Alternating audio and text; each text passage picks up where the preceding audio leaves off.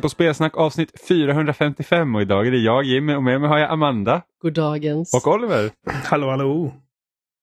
Samlade igen åter för en härlig vecka av spelsnack. Mm. Och jag får möjlighet att bjuda på en väldigt sensuell röst. Jaså, du låter som vanligt? Det gör jag väl inte? Ja, nästan. Jo.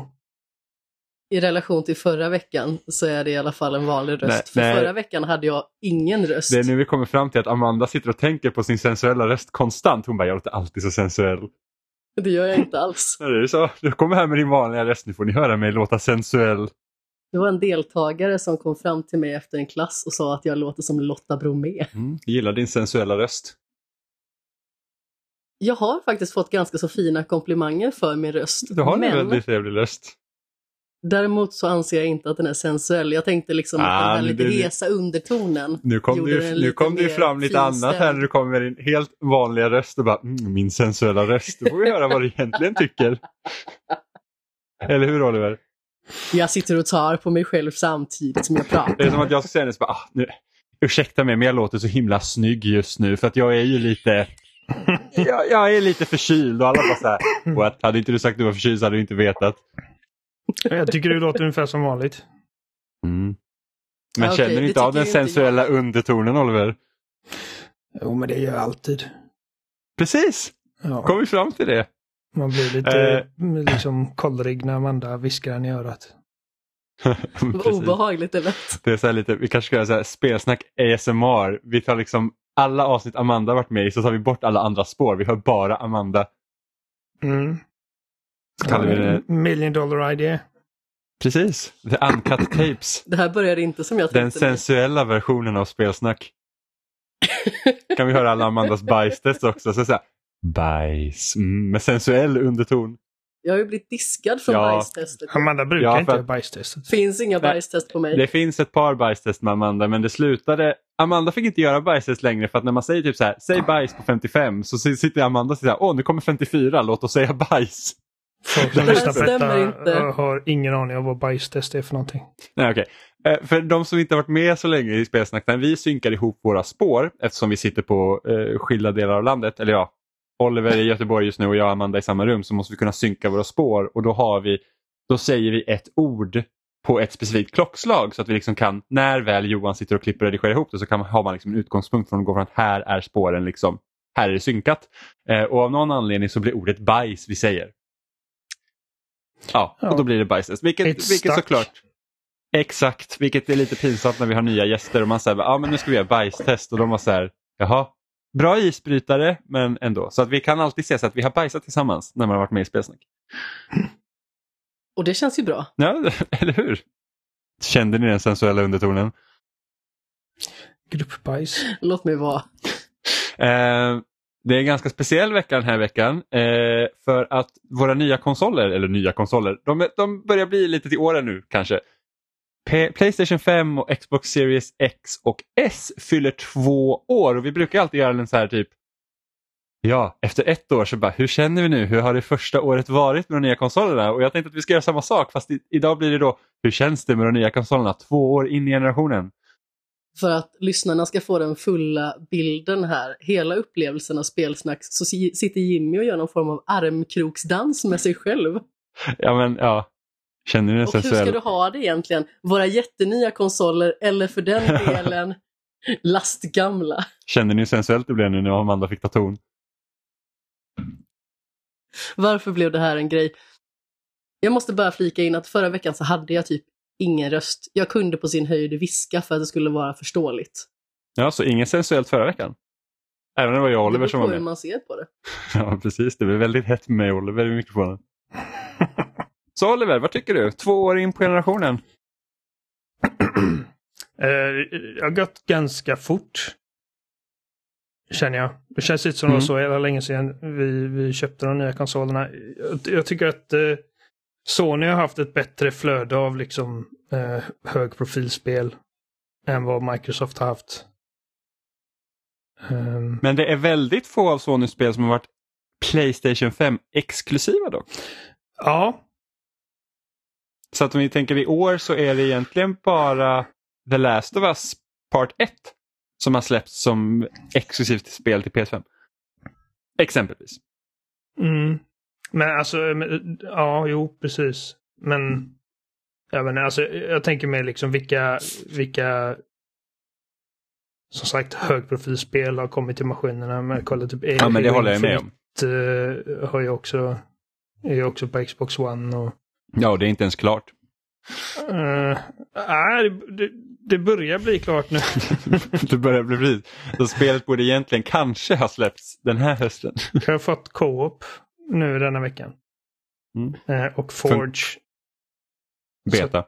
De, ja, så att de bitarna är på plats. Eh, men ja, alltså okej, okay, så, så helt exklusiva grejer som vi kollat typ, det är typ uh, Last of Us, Ratchet and Clank, Rift Apart, uh, Demon Souls. Returnal. Returnal, ja. Och på Xbox, vad har de lagt ut som bara är Inget. Series X? Ingenting. Jag tror ingenting från dem själv. För att Forza Horizon 5 kom på Xbox One också va? Eller? Ja, det tror jag. Jag tror också det. Så jag tror inte att Xboxen från Microsoft Studios har fått ett enda helt exklusivt spel. Nej. Jag kommer i alla fall inte Jag på försöker något. fundera. Jag menar, Jag vet att The Medium var exklusivt men det är ju inte ett ex eh, eller till nya konsoler men det var ju inte exklusivt Xbox. Nej, det är inte Microsoft Studios. Nej. Men Jag Sony ger ju i alla fall skenet av att de har en tydligare plan och håller sig till planen mer än vad Microsoft gör. Ja, men den planen har inte ändrats liksom så mycket. Ehm, ja, förutom då att de snackade om att vi tror på generationer, men sen gjorde de inte det. För att, Mm, ja men precis. För att Playstation 4 var så framgångsrik och det finns en stor, så stor installbase där. Och de kunde inte få ut tillräckligt med maskiner till folk. Nej och de behövde säga någonting. Alltså de behövde göra den här tydliga brytpunkten för att, eh, för att inte gå in i Microsofts budskap om att det spelar liksom ingen roll vart du sitter och spelar så länge du kan spela typ. Mm. Så behövde de liksom bara markera att nej men okej men Microsoft de, de är liksom så att köper du en Series konsol så är det typ Xbox One 1.5. Medans köper en Playstation 5 så är det liksom det här är next next gen. Liksom det här är det cutting edge. Och sen så stämde inte det riktigt. Nej, men så, på, på Sonys sida tycker jag ändå liksom att jag, jag har fått spela en hel del bra spännande grejer. Medan på Xbox så man har fått spela en hel del bra grejer där, men det är ju främst genom Game Pass och eh,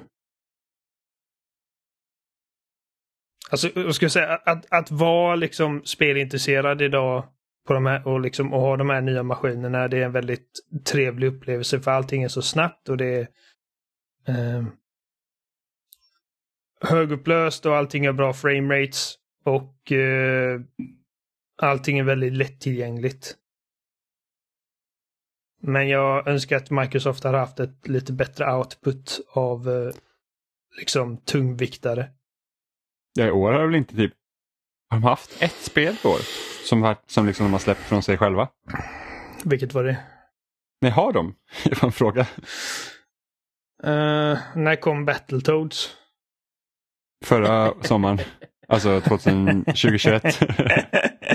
För förra året Det släppte de... starka kortet. Förra, men det var rätt roligt. Alltså, Battletoads var faktiskt rätt kul. Ja, Liksom det var- ja, tyckte vi inte just då Jimmy. Ja men okej, vissa delar var ju dumma men det var som ett co-op-spel så hade vi ändå rätt så kul med det. Liksom. Måttligt. Det var roligare att spela med dig än vad det var att spela spelet. Ja, precis. Så det var ju rätt så kul tillsammans, Ja. Vi håller där tycker jag. sa hon sensuellt. Nämen. Eh, och de hade typ Psychonauts 2 förra året och Forza och Halo. Kom Forza förra året eller var det 2020? Nej, det var förra året väl? Det var nog förra året. Ja. Kom faktiskt Eh, men, i år, men i år har det inte varit någonting. Psychonauts tänkte jag inte så mycket på för det var det är ett riktigt bra spel men ehm, det kommer på Playstation också. va? Ja, det gjorde det. Det gjorde det. Det kom, kom det För, till att, Switch. för det spelet, det vet jag inte, jag tror inte det. Men, men det spelet, det, liksom, det var ju under utveckling och en bra bit ehm, färdigt innan Microsoft köpte Double Fine så att eh, Mm. det känns som att liksom, nästa Double Fine-spel blir liksom mer typ en Microsoft-produkt. Mm. Um, ja, men jag vet inte, jag, eh,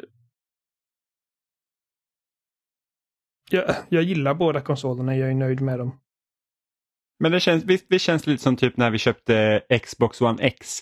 Du vet att wow, det blir en uppgradering till min Xbox One. Liksom, den här konsolen känns så mycket Mm. bättre, men man, liksom business as usual. Jag känner väl att det är lite samma sak med de här två. Att det är så att jag får en bättre maskin, den kör spelen bättre, men det är business as usual. Precis, och, och det, det tycker jag även liksom är applicerbart till Playstation 5 som faktiskt är liksom alltså en ny konsol. Men när man köpte Series X så liksom hade man inte ens liksom roliga nya menyer att pilla runt i. Det var liksom exakt samma. Ja, lika dåligt som innan. Eh, med Playstation 5 så kändes allting lite mer nytt eftersom att det faktiskt var mer nytt. De hade liksom en ny kontroll som gjorde en del spännande grejer. Och, Mm. Eh, men även där så... Väl, Alltså vi kommer ju prata mer om God of War sen, men, men det, även om det är liksom on the cutting edge, liksom. Alltså sett till produktionsvärden och sånt så är, så är God of War Ragnarok eh, i, i en liga för sig. Det är inte mycket som kan liksom stå pall med det, men samtidigt så är det liksom, ja men det känns inte liksom som att det här inte hade kunnat gå att uppleva på Playstation 4. Och det, och det går att uppleva på Playstation 4 liksom. Så att, Det eh, finns där också. Ja. Och jag har för mig att den versionen ska vara riktigt bra också dessutom. Så att det är inte som att det, ja, det känns säkert. inte som att PS4-versionen blir jättemycket lidande. Utan det Nej. känns som att den verkar vara väl optimerad. Så det är ju kul för de som inte har kunnat få tag i en PS5 men ändå vill spela God of War.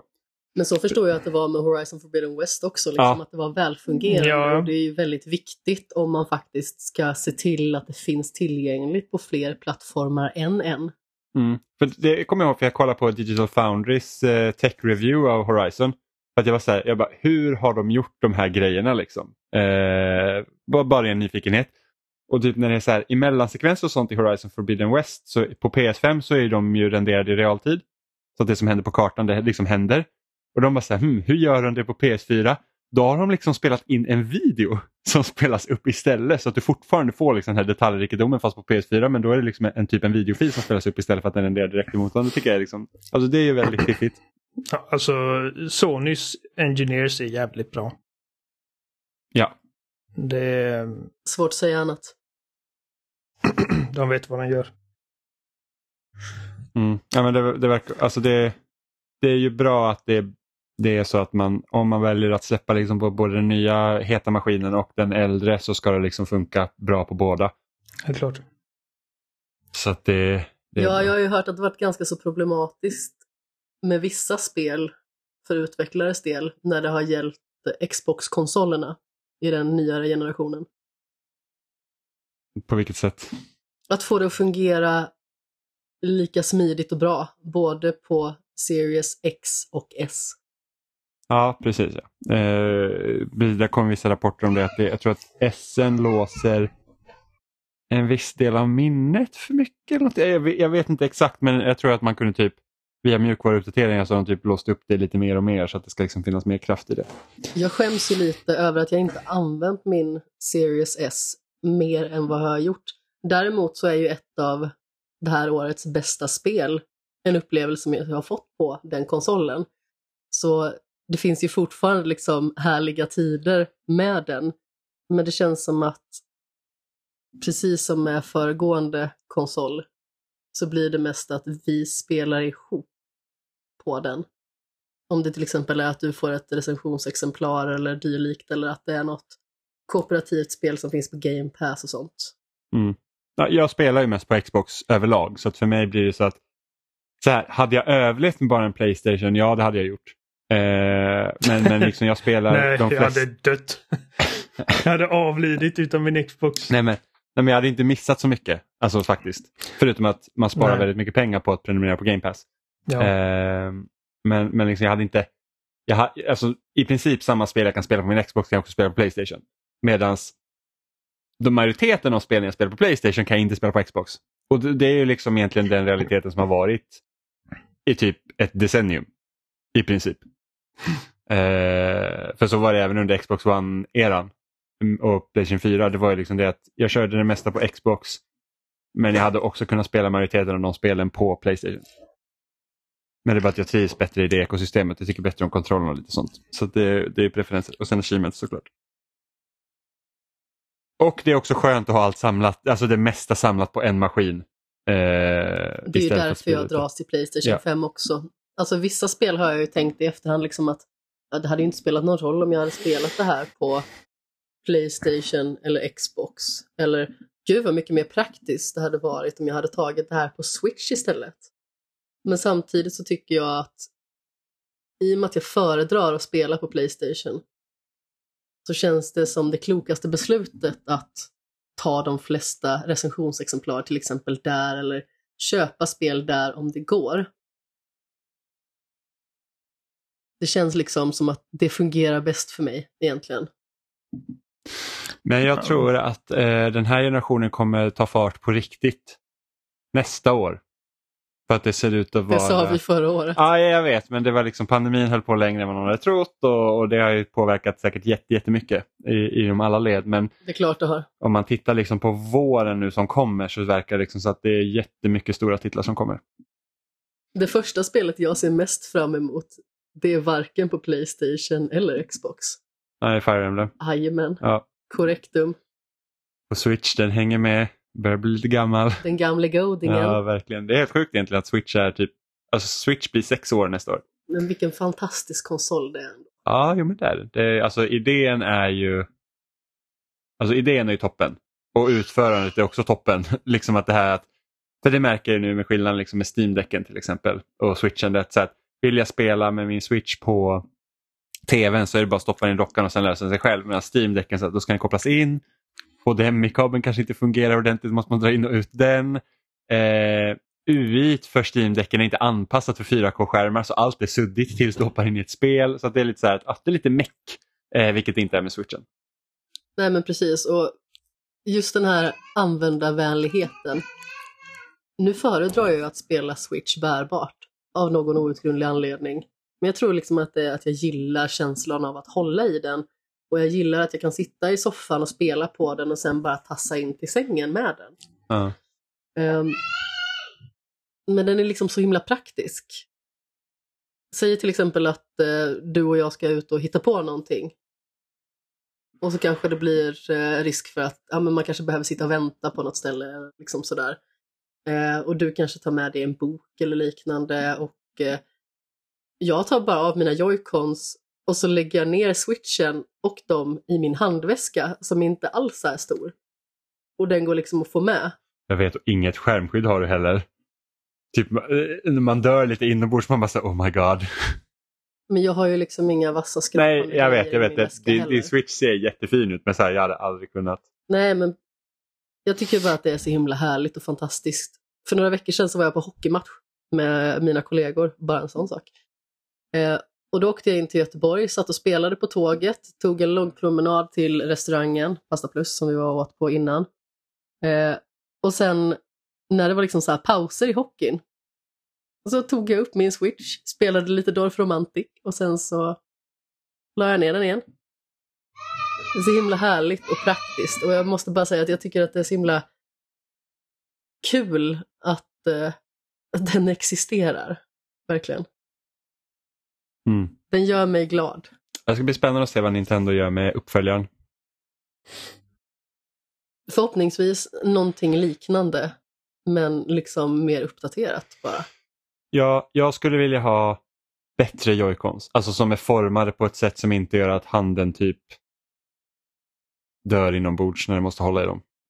Alltså, de är inte liksom de, de obekvämaste kontrollerna att hålla i men jag hade gärna haft liksom något som är lite mer rundat så att den är skönare att hålla i. Och jag förstår ju att det är lite problem att det är liksom gör man dem lite större så blir det svårare att ha med dem.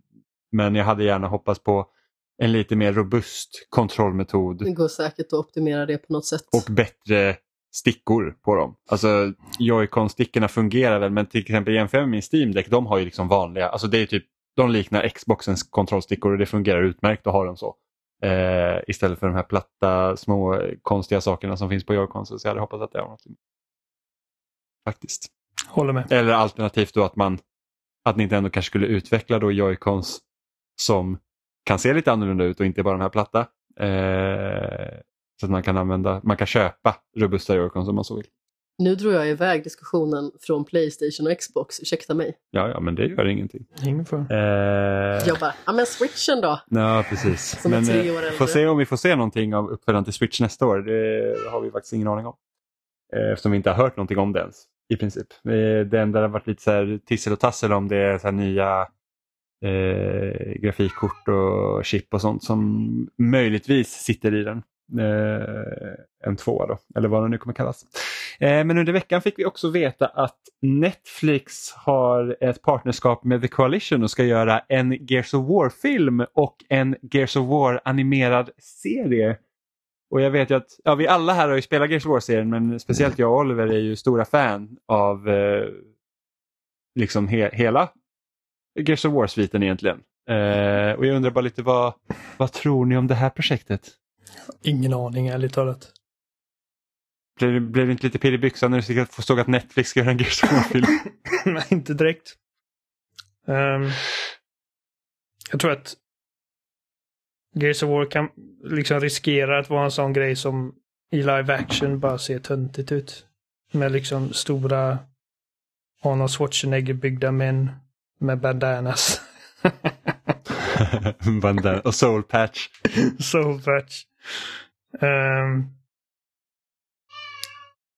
Men jag tror att det är rätt väg att göra om man nu ska liksom basera filmen på alltså händelserna i spelen och inte liksom göra typ en side story av det så tror jag nästan att en film är bättre att lägga krut i budget på när det behövs så mycket specialeffekter än att man gör typ en tv-serie. Ja, och så blir det lite så här Alltså typ stridssekvenserna i Halo-serien var ju liksom så att man, man såg typ eliterna på avstånd och man var så här, det där ser ut som en typ lergubbe.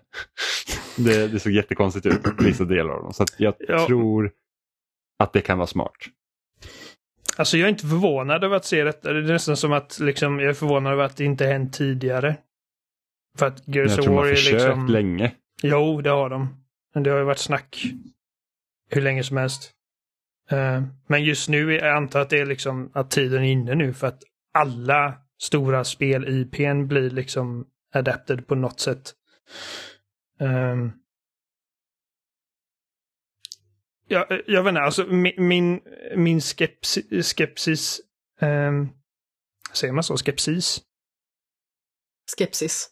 Skepticism min skepticism eh, grundar sig inte att det är Netflix som gör det. Jag bara, liksom, det spelar ingen roll ifall det hade varit Netflix eller om det är Universal eller Paramount eller whatever. Jag, jag, jag bara vet inte riktigt hur Gears of War ser ut. Um, eller jag vet hur, hur det ser ut, jag bara vet inte ifall det kommer se bra ut. Jag vet att folk vill ha Dave Batista, men jag känner att, eh, jag vet inte. Alltså ärligt talat, jag förstår inte den här grejen med att Dave Batista är typ det så här att det skulle liksom vara det bästa castingen om det skulle vara så att Marcus Phoenix är huvudrollen för att jag tycker inte om Dave Batista. Jag tycker att liksom han är väl kul i Guardians of the Galaxy, han gjorde Ja, ett bra jobb i Dune men det är liksom så här att nej. Jag har inget emot Dave Batista alls. eh, Jag, tycker, Jo, jag, Jag, jag, gillade han, eh, jag gillar hans lilla roll i Blade Runner 2049. Um, jag bara känner, alltså jag, jag är alltid, och det här är problemet med Gears of War när man ska liksom eh, adaptera det antar jag, är att jag, jag har jag har invändningar när det kommer till skådespelare som är liksom bodybuilders. Liksom eh, som... Jag, jag gillar Dave Batista och jag gillar The Rock. Eh, bara som personligheter. Liksom. Jag är inte så jätteförtjust i dem i... Uh, vänta, jag ska bara... Min dator håller på att dö. Så. det är så här, när man ser ut som The Rock så får man bara roller som kräver att man ser ut som The Rock. Liksom. Alltså, man, man är liksom någon typ superhjälte eller typ eh, Navy Seal eller eh, Fast and Furious tjomme eller typ brandman eller alltså Jag gillar det. Jag, jag gillar verkligen den här Hoppet kontrasten. från men- Fast and Furious till brandman. ja, precis. Alla brandmän ser ut som The Rock. Nej, det gör de inte. Men, nej, men förstår ni vad jag menar? Alltså, det, är liksom, de, Ja. jag har aldrig sett The Rock i liksom en, ska man säga, en spännande dramatisk roll. Och det han De gör... är ju gör bösar och inte speciellt bra skådisar i mitt tycke. Ja, men det, det är det som är min poäng också, att vi vet inte hur bra skådisar de är för att de har liksom aldrig haft det materialet som, som tvingar in dem i de här liksom... ehm, Jag, tror, jag tror nästan John Cena är väl den som typ har flest olika typer av roller. John Cena, han, han har faktiskt, jag tycker att han har, Han har gjort några romantiska prov, komedier och han har gjort lite action, lite sånt. han har visat prov på, på lite djup. Han har också gjort en jävla massa värdelös skit, men Ja, ja. Ehm. nej men så att jag blir alltid som sagt. Man kan inte ha typ Timothy, Timothy Chalamet är en bra skådis men man kan inte ha honom i en Gears of War-film. Liksom. Kommer han där och spelar Marcus. Nice! Det hade varit något. Så sen är typ frågan. 1,52 lång. benrangen. Nej, man gör så här typ att man, man... Det är bara korta personer som får med den här. Och så ger man dem massa steroider så ser de ut som små muskelknuttar. Det kanske är det som är lösningen. Kan ta Elijah Wood, kan också vara med och spela liksom. Lite spruta i rumpan där så bara Ja. så sväller han. Och det är perfekt. Men sen är frågan också, måste en live action film av Gears of War, måste det vara sådana här stora muskelberg då? Nej, och det, det var det jag liksom... ehm, min hjärna tog mig i den riktningen. För jag kommer ihåg när, vi, när, när, när det blev klart att uh, var Black Tusk skrevs om till eh, The Coalition. Och det skulle Ja. komma i Gears of War 4. Och vi började liksom snacka om, okej vad vill vi se från nästa Gears of War? Och detta var ju liksom typ färskt efter The Last of Us och jag var inne i det här liksom typ survival mode och liksom mot alla odds och eh, dåligt med resurser. Um, så jag tänkte, tänk om man skulle typ spela som en av de här The Stranded. Liksom. Att, man bara, eh, att man bara får följa liksom helt vanliga människor som inte käkar liksom proteinpack till frukost och, och bänkpressar eh, liksom monstertruckar. Um, och sätter dem i den här världen där monster kommer ut ur liksom hål ur marken. Men Alltså liksom, det kommer inte bli det. Alltså det kommer ju bli stora muskelknuttar med, med lancers. Eller? Tror du inte det? Ja, ja. det är mycket möjligt. Eh, jag har dock större tilltro till den animerade serien än vad jag har till filmen. För att hittills har Netflix speladaption, eller liksom adaptioner av spelserier som har varit animerade varit väldigt bra. Ja, men Alltså, både Arcane och eh, Castlevania är ju riktigt, riktigt kanon. Och Mm. även, folk gillar ju både Tekken och Cyberpunk också, som vi inte har sett. Ja, jag, jag, jag vet, jag, jag kommer ihåg när jag och Adam pratade för ett tag sedan om ifall man skulle typ göra en adaptation av God of War. Och liksom vem, vem skulle typ spela Kratos. Och jag bara, alltså jag kan inte se någon framför mig spela Kratos. Och det, då kom vi fram till att det hade bara varit- varit bättre att göra en animerad grej. För att då kan man få Kratos att se ut som Kratos. Man kan leka med de mer liksom eh, löjliga liksom proportionerna. Och man är mer liksom eh, artistiskt fri. Annars så blir det ju The Rock igen liksom. ja, precis. Vi vet vart det barkar. Uh, folk så här på internet med deras liksom casting choices, det, det är så fantasilöst. Eh, men alltså det, det är det, alltså de flesta som castar folk det är alltid så att den här karaktär, alltså den här skådespelaren ser exakt ut som typ karaktären eller så lika utseendemässigt som möjligt. Och så tänker man kanske liksom inte riktigt på liksom, vilken prestation skulle de kunna göra exempelvis.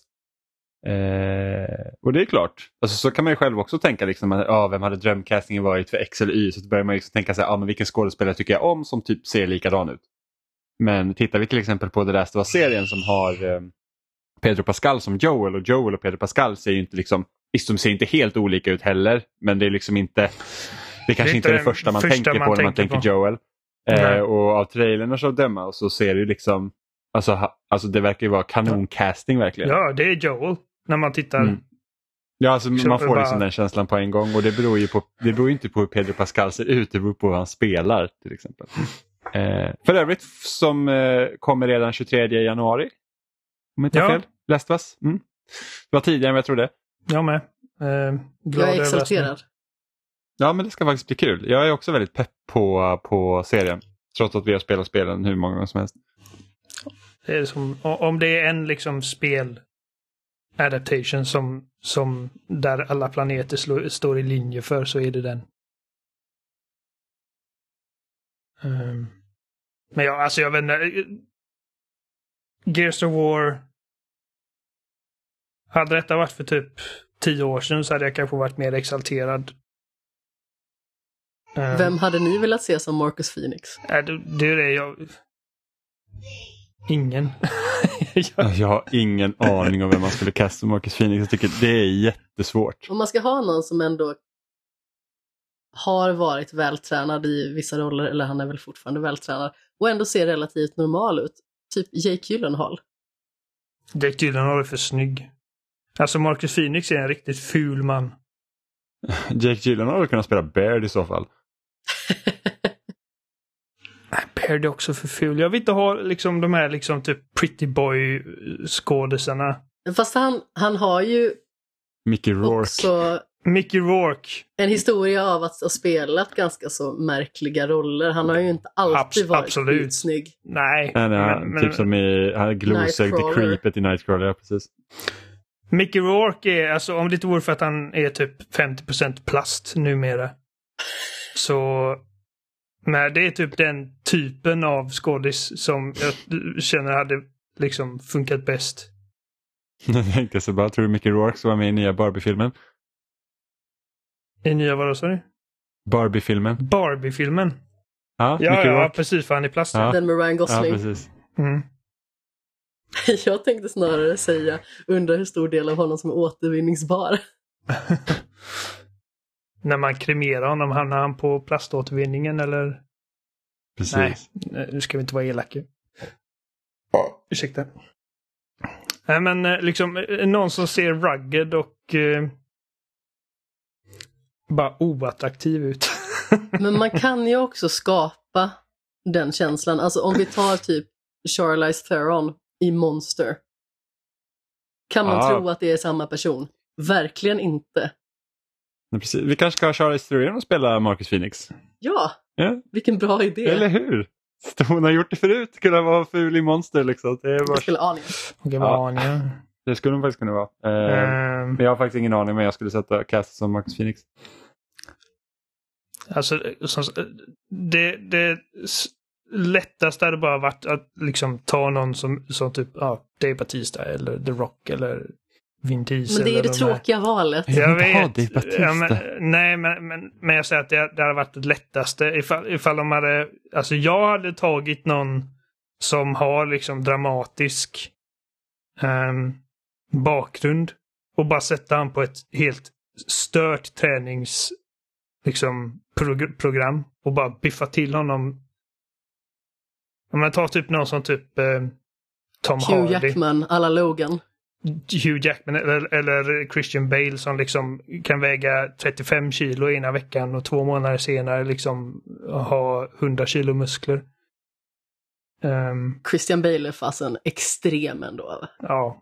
Kan inte vara hälsosamt. Det är alltså. något av det mest galna jag varit med om.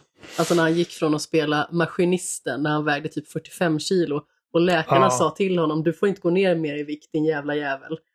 Kanske inte exakt så. Batman direkt efter det. Precis, typ 95 kilo. Jag såg eh, en intervju med Charlie Hunnam. Um, han, han är inte världens bä- bästa skådis. Eh, men eh, han Där har pratar vi om... Baird. jo. Ja, men han, han pratar om eh, att han gick från King Arthur där han var liksom väldigt jacked till The Lost City of Sea. Och han träffade regissören en vecka innan han skulle liksom gå in i produktion. Och han var så jävla jacked och eh, regissören sa till honom, jag tror att du, jag tror att du just har förstört min film. För att det här är liksom inte en detta är liksom en typ engelsk, här brittisk, bara liksom gentleman, inte liksom en superhjälte. Han bara, jag har en vecka, ge- det är lugnt. Han åt ingenting på Ge en mig vecka. lite pommes. Ja, men han, han, han åt ingenting på en vecka, han typ drack vatten. Och så Nej. hade han gått ner typ 30 kilo på en vecka, och sån här skit. Ja, nej. Ja, det låter ju lite extremt va? Men... ehm, ja, nej, alltså jag är ju nyfiken givetvis. Jag tänker att liksom Locust-monstren kan vara jävligt coola, liksom ifall man gör det med ordentliga prosthetics. Um, snarare än att bara CGI allting. Det blir säkert CGI. Ja, men Jag, jag tror att det kommer vara liksom, alltså det är oundvikligt att det blir ett visst mått av CGI, särskilt när man kollar på typ, jag menar, Wretches. Och eller de större Ja, grejerna, ja. Brumax och sådana grejer. Men liksom man bara kollar på en liksom vanlig drone. Locust drone. Jag Ja, hoppas ja, det att hade ju de, gått. Jag hoppas att de går liksom, att, att de faktiskt gör eh, gör en Peter Jackson och förvandlar massa statister till monster. Ja, det hade varit coolt. Jag hade kunnat hyra in han som designer eller Locust och hjälpa till. Mm. Jag tror han håller på med skulptur och sånt. Ehm, också.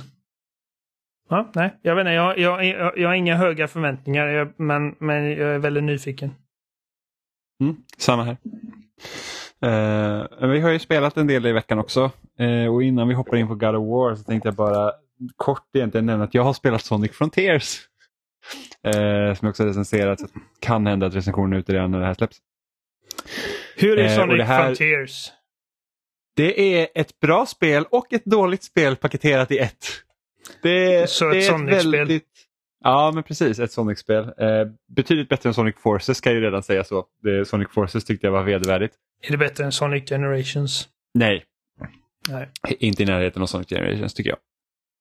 Eh, Vilket format så- kör du på? eh, Xbox.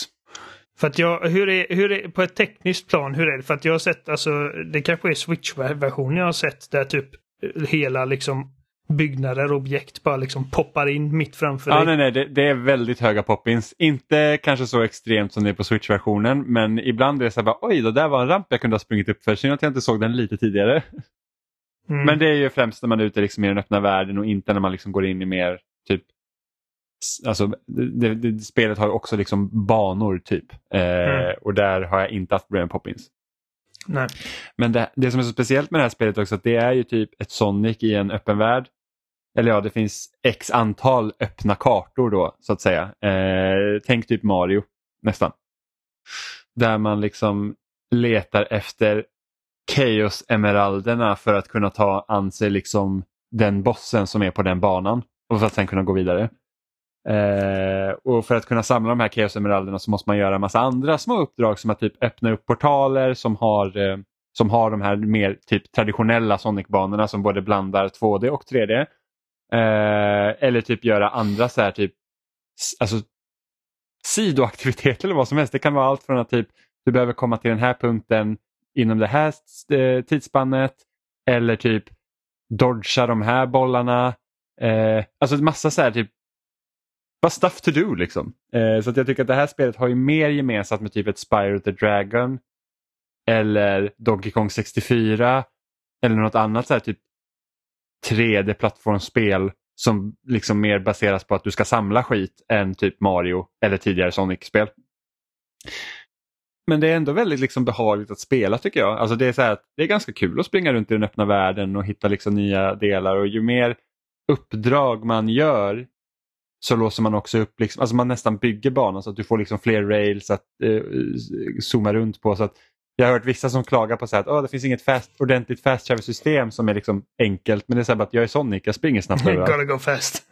Ja, precis. Det gör inte mig så mycket och speciellt när man liksom så här, att när man gör x antal, för att det finns typ, det kanske är 50 uppdrag per värld som man måste göra och när du gör ett sådant uppdrag så låser du upp nya delar av kartan och då kommer de här typ boost railsen upp också så att du liksom kan åka mellan delarna mycket snabbare. Eh, och det är rätt så kul. Alltså då är det ganska härligt. Eh, största problemet är väl det att Sonic kontrolleras typ som skit. Alltså det, det känns som att man har satt allt att fungera på en och samma knapp vilket gör att när det går så pass fort som det kan göra och man måste liksom typ hoppa mellan rails och, och, och liksom vara ganska kvicktänkt då är det inte alltid Sonic hinner med vad du vill göra så att det blir fel. Och så kanske du åker ut och dör eller så åker du på fel rail och det är liksom bara så att varför har man X-knappen att den ska fungera till allt?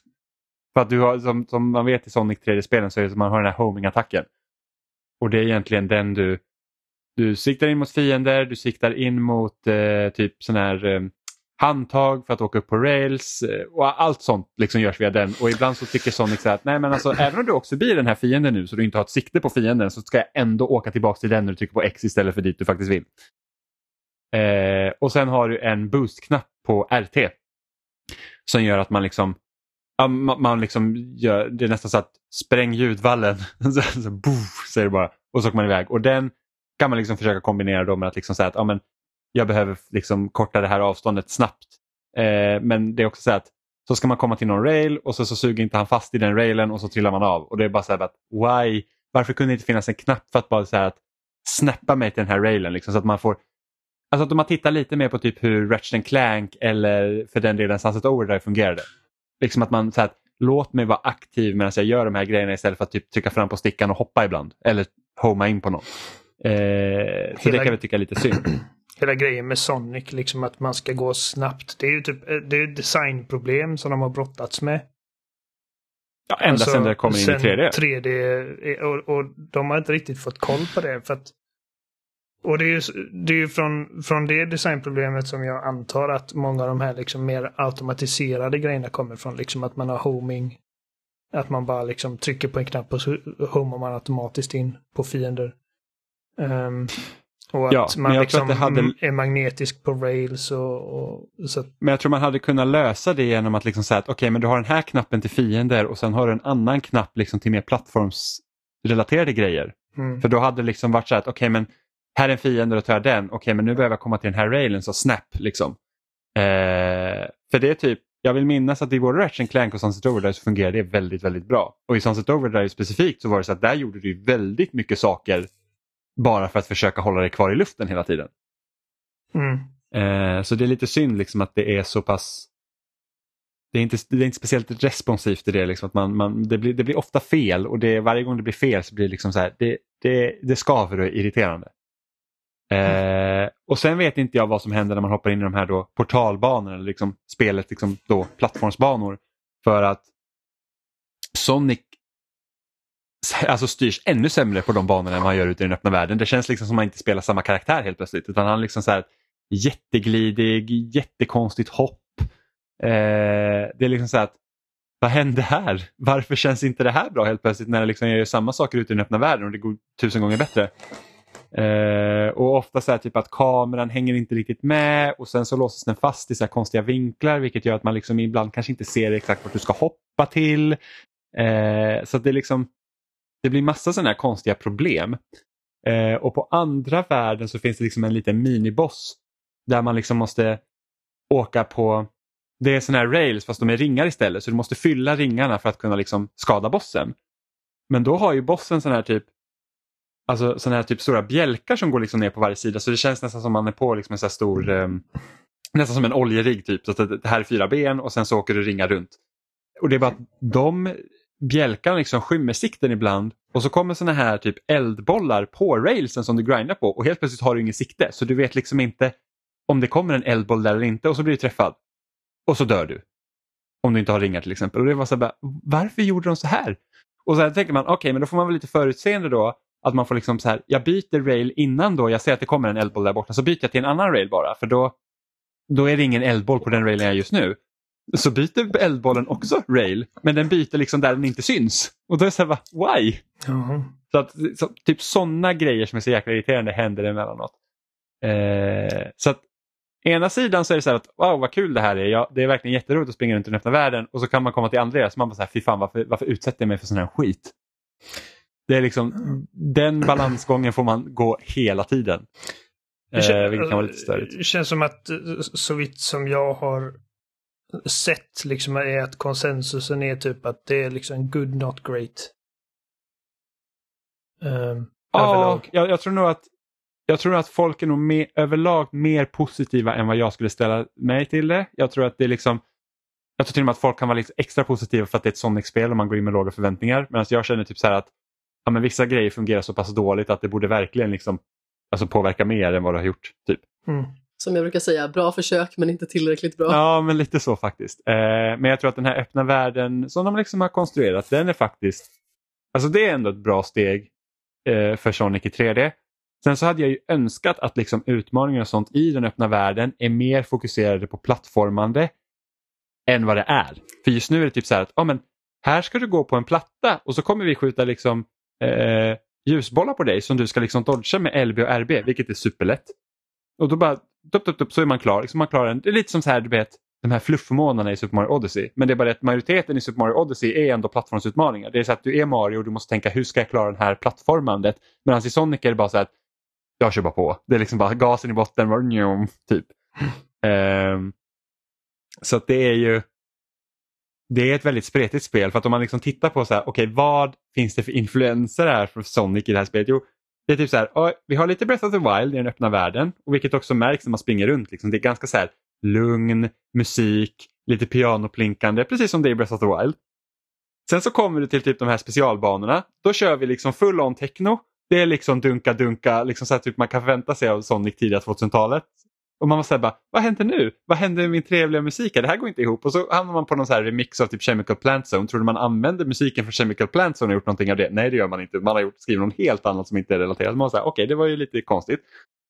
Sen så kommer du typ till Alltså de riktiga bossarna och första delen på bossen när man ska typ försöka tänka okej hur ska jag komma upp på den här bossen så jag kan börja skada på den. Då är det verkligen så här typ Shadow of the Colossus dramatiskt. Det är liksom verkligen så här nu jäklar nu orkestern spelar som fan alltså. The open way. Ja men lite så, man bara okej här har vi en till liksom så här typ ett, ett annat tema för den här typen av spel. Visst det går ganska bra med den öppna världen-musiken att det är så här, nu är det dramatiskt, kör vi det här.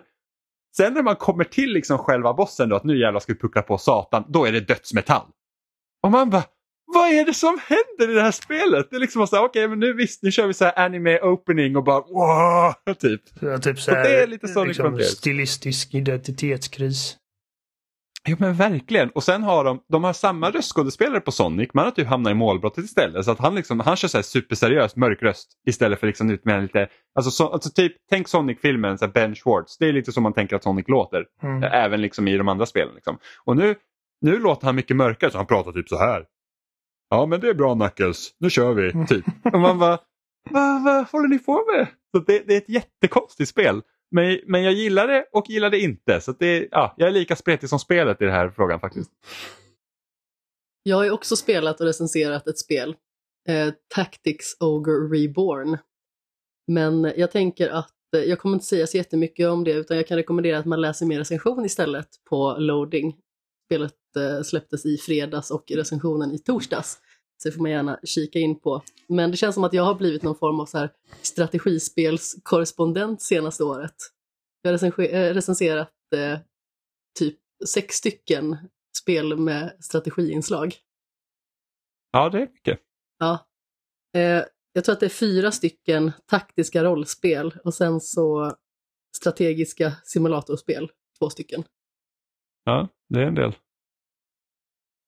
Det är inte Jag vet min inte, det genre. liksom blir automatiskt när jag ser typ så här rutnätet, bara oh, det kanske man skulle ta sig an. Jag gillar ju strategirollspel väldigt mycket men det är så att det, det är en genre som man känner inte kan spela spelen back-to-back utan man så här, spelar ett och sen så bara, ah, nu kan det gå några månader eller år innan man spelar nästa. Jo, men precis. Och lite problemet med Tactics Ogre Reborn, det är ju att det är typ 50 timmar långt. Och det hamnade precis efter att jag hade recenserat Gotham Knights och Mario plus Rabbids Sparks of Hope. Och samtidigt så fick jag också God of War Ragnarök. Så där får man ju liksom eh, se att det hamnar lite i skymundan och det är inte så himla konstigt. Men det är också en eh, ny version av ett väldigt gammalt spel. Och man skulle kunna säga att eh, den här nyversionen baseras lite mer på eh, PSP-versionen som kom för typ 12 år sedan tror jag. Men in och läs om man är intresserad av det, Den lilla resan. Det är också ett spel som jag skulle vilja spela men det är så här, no time. Det, har, det finns ett x antal spel jag skulle vilja spela innan året är slut. Som jag också undrar hur jag ska hinna med. Jag kan också säga att det här spelet var otroligt svårt. Så om du klagar på variationen i musiken så är det ingenting emot när jag satt fast på en bana hur länge som helst och jag hade den här förbannade musikslingan från den banan. Alltså det, det var som att det var intatuerat i min hjärna. Jag gick runt och nynnade på det per automatik och blev sur när jag kom på mig själv att nynna. Ja, ja jag vet. Jag fick också genomlida tonerna till detta. Emellanåt. Det var en svår tid i vårt Ja, hushåll. verkligen. men nu är den förbi. väldigt. För Sen, tillfället. sen, sen så satt jag på Sonic Frontier och började headbanga och bara yeah, den här jävla draken ska dö. Men alltså ärligt talat, bara för att Sonic Frontiers har jättekola bossar faktiskt. Alltså tänk typ Shadow of the Colossus. Alltså det är liksom den eh, storleken och sen så typ, ja, de- de är ganska nice faktiskt. Speciellt boss nummer två, eh, och skithäftig. Tills man dog och fick göra om allting, då var det inte lika häftigt längre. Men första gången var det kul. Eh, men eh, nu kanske vi ska prata om spelet som vi alla väldigt har sett fram emot. Eh, och utan tvekan kanske höstens största spel om man inte bryr sig jättemycket om Call of Duty. Eh, vi har ju spelat God of War Ragnarök. Så hur, hur känns detta spel? Ja, alltså, spoiler, det är jättebra.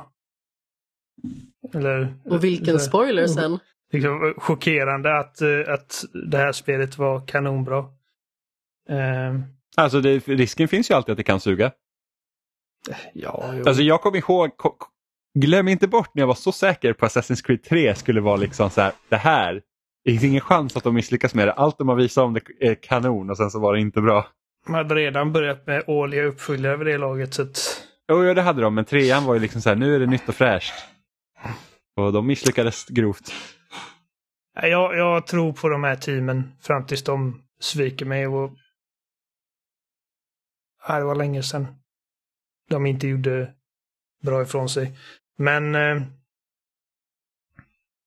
Ja, var börjar man egentligen? Alltså, vi, vi- Vad handlar spelet om Oliver? vi, vi ska väl... Eh...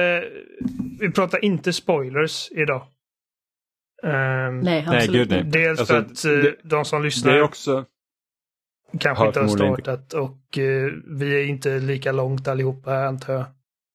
Och det släpptes för en vecka sedan. Precis. ja, jag tror att jag är väl tio timmar in, jag ligger strax bakom Amanda. Jag är Precis. 35 timmar in. Vad oväntat Oliver. Ehm, Jag var helt eh, övertygad om att du skulle vara klar till idag. jag har knappt sovit den här veckan. Ehm, och det enda jag tänker på är att jag vill fortsätta spela God of War Ragnarok. Men Jag förstår inte hur du hinner. Jag har verkligen så här pressat in mina 11 timmar. Men han sa ju det, han sover inte. Det var Nej. förklaringen till ganska mycket. eh, Jo, förvisso. jag har sovit 3-4 timmar i snitt per natt. Ehm, vilket inte är, jag rekommenderar det inte. Det är inte, jättehälsosamt men det, jag kan inte slita mig. Eh, I alla fall, du frågar vad det handlar om. Alltså i, i, i breda liksom, penseldrag så är det bara att, att Ragnarok, eller Ragnarök, eh, är på väg. Det har... Eh, eh, det finns profetior som, som hintar om jordens undergång. Och allas förfall. Och eh, vi finner våra karaktärer. Jag tror att det, är, jag tror att det ska, ska vara två år som har gått. Ja, ish, kanske. Någonting sånt. Ehm, och eh, Kratos och Atreus, eh, de har det liksom alltså relativt för att, för att liksom för Fimbulvinter har kommit och allting är bara liksom miserabelt. Det är svinkallt och eh, saker dör. Men de har det liksom ändå relativt bra. Alltså de, de har en bra relation. Ehm, de liksom har större tillit till varandra.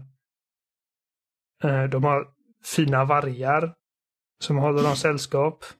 Ehm, och Besviken på att man inte kunde klappa dem. Vad är det för jäkla beteende? det kan man sen. Spoilers! Det Oliver! finns, ett, finns ett trofé som heter Pet the bla bla. Jag kommer inte ihåg vad de heter. Men Okej. Det är knutet till ett sidouppdrag. Ehm, men eh, alltså Även om de har det relativt bra så är det där liksom alltså Kratos och eh, alltså spoilers för förra spelet kan vi gå in på. Ifall du inte har spelat förra ja. spelet, sluta lyssna. Men du har Och lyssnat. gå och spela det först. Ja. Eh, Gör som Oliver, sov inte på en vecka. men i slutet av förra spelet när den kom till Jotunheim så såg de den här stora liksom eh, eh, väggmålningen. Där, Muralen. muralen ja. Där de såg att allting som de har gjort liksom hade redan förutspåtts. Och eh, Mm. Faye har liksom lett dem på den här resan för att de visste att de skulle göra den här resan och göra det exakt som, som eh, det hände.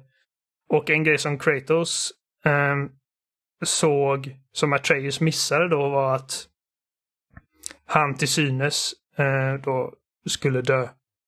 Eh, han ligger liksom livlös i Atreus armar.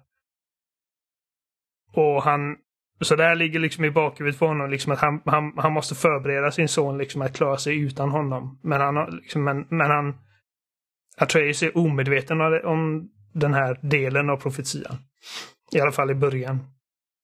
Mm. Och, Men sen också han, han, han undrar liksom vad är hans roll i det hela för att Precis, för han har fått reda på att Ja. eh, liksom, oj, Loki och vad, vad innebär det? Och jag, jag är inte bara en gud, jag är också en jätte och jag är en av de sista jättarna vid liv och jag har liksom hela den här typ eh, liksom arvet att föra vidare och eh, en del i den här profetian, en roll som jag ska spela och vad är den rollen? Och jag vill förstå liksom syftet och vad det var min mor hade liksom i åtanke för mig. Ehm, Jag tycker det är, alltså jag tycker det är en ganska liksom bra take också hur de skiljer sig egentligen från första spelet och Ragnarök. Är det att första spelet känns väldigt mycket så här, ja, men vi får spela som Kratos. Han är liksom han är, han är nybliven ensam pappa. Vi- känner ju också till Kratos förflutna, liksom. han är inte den trevligaste. Eh, men liksom så här, ensam pappa och ändå sörjer och liksom hur hanterar han liksom att ta hand om sin son och hur liksom ska han hantera liksom sin frus död. Det var liksom ganska mycket också hjärtat i, i liksom God of War eh, 2018. mm, Medan i Ragnarök så känns det, det är mycket mer Atreus historia här och det känns som att det är en väldigt mycket så här coming of age story, i alla fall så långt som jag ab- spelar. absolut. Alltså, Eh, att vi liksom följer, med. så att det, det blir som en bildningsroman egentligen och det, det tycker jag är, för att jag var ju väldigt orolig inför liksom att det här spelet var så här att okej men nu up the stakes, ska vi gå liksom tillbaka till att liksom så att ja, men vi klättrar upp på Gaia och bara så här ska vi in i köttslamsar igen. slakterian Ja men lite så här typ att nu är det så jäkla stort att det är liksom man förlorar lite av det som gjorde 2018 så himla speciellt det här med att mindre skala, det är de här två karaktärerna som är kärnan för det och hur utvecklas deras relation. Men jag tycker att till den här uppföljaren då, så tycker jag att de, de balanserar det relativt bra. Alltså det kanske finns vissa saker jag önskar att de kanske släpper fokus på men jag har inte kommit så långt så jag kan, liksom inte, jag kan inte avgöra ens vad jag tycker om berättelsen förrän jag liksom har sett större delen av den. Nej, när det liksom precis. kanske ens till slutet. Men, men jag gillade hittills hur de liksom varvar det här med att, liksom att det här profetian och att hur påverkar det Kratos och Atreus tillsammans. Och liksom, alltså inledningen är väldigt stark. Tycker jag. Ehm, jag, Jag grät. jag tror jag vet vi, ja. Jag tror jag vet vad du pratar om. Men ja, alltså inledningen är väldigt stark och det, de sätter liksom stakesen väldigt tidigt. Och förutom då liksom det här personliga, liksom att Kratos förbereder, på, för, förbereder sig på att eventuellt dö inom kort. Och oron då liksom hur ska eh, min son klara sig utan att liksom prata om, för att han vill inte att han ska veta om det för att han ska inte oroa sig. Och sen har vi Atreus som, som brottas med sin, sin identitet. Och sen har vi också det här liksom överhängande hotet från, eh, från Asgård liksom för att givetvis, alltså de dödade tre av dem i förra spelet. Eh, dels eh, Tors eh, söner eh, Magni och Modi. Och Balder såklart, vilket alltså Freja är på krigsstigen. Och eh, Mm. hon har alltså man får, man får det klart för sig liksom tidigt i spelet att, att hon har liksom varit på jakt efter Kratos ända sedan detta hände i princip. Och eh, de försöker bara liksom undvika henne så gott det går. Eh, och Vet man exakt hur lång tid det har gått? För att han har ju verkligen växt till sig rätt så rejält. Eh, Två jag tror det är två år. ungefär. Om Men mer. Kratos har lärt sig att läsa de här runorna nu så han behöver inte Atreus för att översätta. Och jag vet att du sa det att ja, Kratos uh, har gjort det här och det här. Han är inte en så trevlig människa. Men han är ganska trevlig i det här spelet ärligt talat. Han, han, han grymtar fortfarande. Och han är inte liksom den mest varma människan. Men han är liksom inte otrevlig mot någon. Han är ju inte arketypen av en fin kille direkt, men Nej. han är ju faktiskt ganska så resonabel många gånger. De tar ju ändå det här från vi byggde upp i första spelet och de fortsätter på det i andra spelet. Det är också någonting jag gillar med, med det här, och, eh, egentligen som Sony har gjort med, alltså även Naughty Dog gör det med Last of Us, det här med att du, alltså för att få ut så mycket av spel 2 så spela spel 1 Mm. istället för att det ska liksom vara nollpunkt. Och jag Precis. tycker det är samma sak för God of War, att det är så här att ja, men vi har redan sett den resan mellan Atreus och Kratos, de fortsätter den nu i spel 2. Så att för att förstå spel 2 så måste du helst spela spel 1. Eh, och det är liksom så att jag älskar bara det att typ Kratos försöker få lite så här föräldraråd med Mimir. Liksom, han kallar inte det bara Head längre utan nu är det Nej, faktiskt Mimir. precis, De det- har liksom en relation till tillsammans. Liksom, han har ingenting emot, liksom att, eller han kan öppna upp sig mer med Atreus också och liksom förklara vart han kommer ifrån även om det fortfarande liksom är svårt. Det är liksom inte perfekt men jag gillar det. En sak som gjorde det väldigt mycket för mig, eh, det var ett ögonblick där man liksom fick se Kratos minspel när det var någonting som Atreus gjorde. Och så var det liksom hinten till ett leende. Det var ju liksom inte ett leende utan det var liksom så mycket ett leende som Kratos kan ge. Och då kände man bara så här, Men alltså, Ah. det, det är inte en spoiler att säga det. Liksom, de, de har typ, de har ett, ett rådjur. För att de, som, som Atreus har liksom dödat så att de ska äta i princip. Och Kratos är liksom på väg att ta och lyfta rådjuret men Atreus gör det först och liksom bär iväg med det och Kratos liksom ger henne så här stolt min. Ja men Eh. precis, jag gillade det. Det, ja, det är sådana grejer. Och jag tror att liksom en, den grejen som slog mig som liksom omedelbart tillfredsställande med det här spelet var liksom att se hur mycket de här karaktärerna har växt sen förra gången när vi såg dem. Mm. Eller, liksom, och särskilt då liksom jämfört med förra spelets startpunkt där Kratos kunde liksom inte ens ta Oh, på boy. sin son. Eh, hungry. och detsamma med, med Mir. Men Mir är liksom nästan en del av familjen i det här spelet. Liksom. Alltså han, han Älskar Mimir. Jag älskar Mimir. Han är ju den roligaste.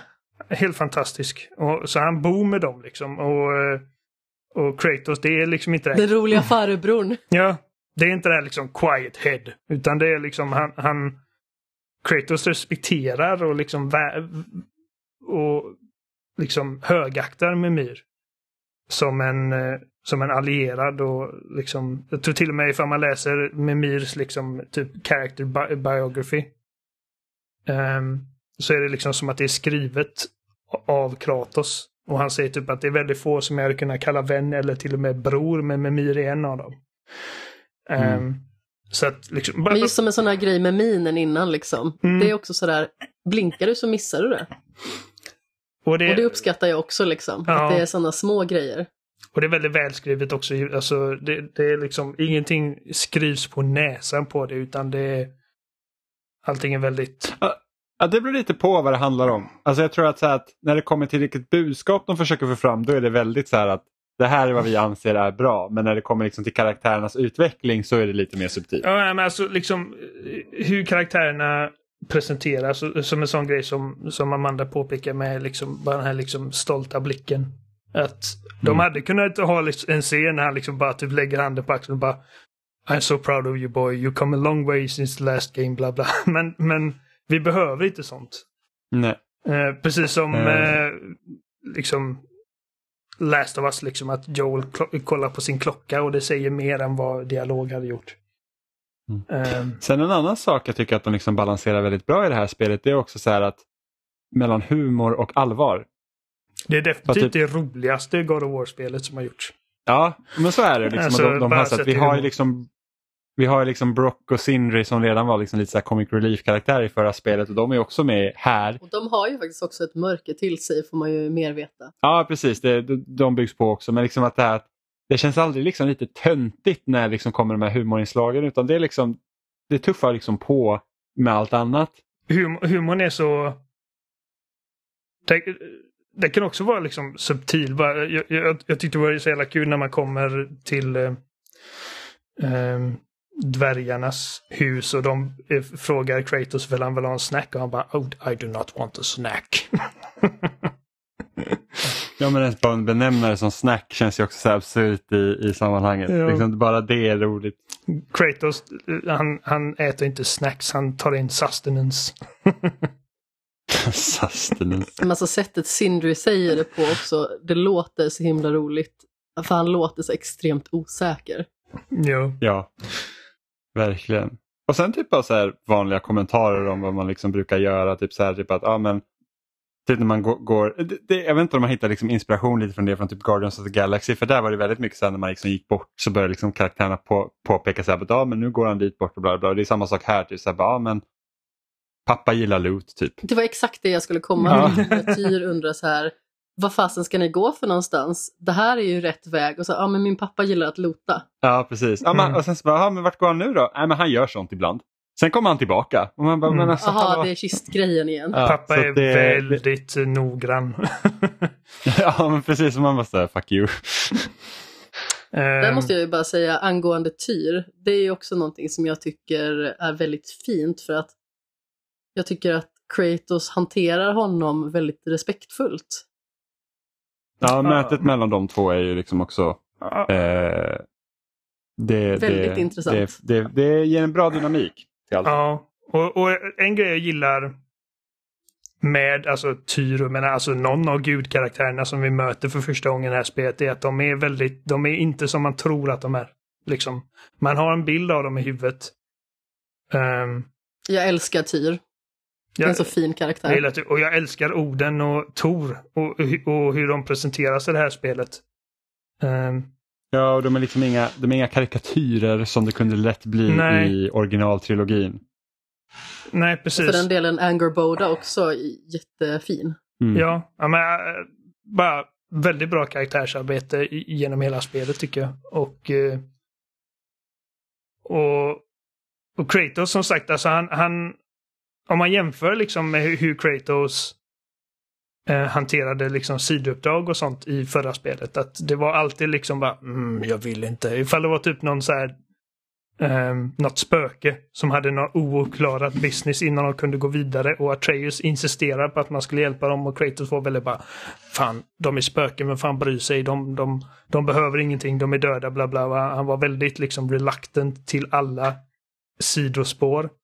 Um, och eh, distraktioner, men här är liksom att han går liksom ur sin väg för att hjälpa folk. Och det är en sån grej som har, liksom, som har målats av på honom av Atreus genom åren. Um, så som sagt, alltså bara att liksom bara att få återkomma till de här karaktärerna och se hur, hur de har utvecklats och växt um, är väldigt tillfredsställande efter liksom vad är fyra år av väntan. Mm. Um... Och det, det är en annan sak jag också tycker hur spelet liksom hanterar sina sidouppdrag. Är det att liksom när man kommer till så här nya områden och sånt så kanske man ofta får ett uppdrag liksom för att man åker förbi någonting eller man liksom land, kanske landstiger på en liten ö eller något och så, så är det någonting där och så blir det liksom sidouppdraget ganska stort. Eh, och, och hur de ändå liksom så här att sidouppdragen hittills, av vad jag har spelat i alla fall, är inte bara typ så här att här är någonting för dig att göra och vi kallar det ett sidouppdrag utan det är liksom så här att här ramlar du på en berättelsegren som du kan ta del av om Mm. du vill. Eh, för jag började fundera lite så här på igår, för jag var på ett ställe där man liksom, ja, man kan åka runt eh, eh, på ett ganska stort område. Och, så här. och jag tänkte fan vad likt det här är liksom Gears of War 5.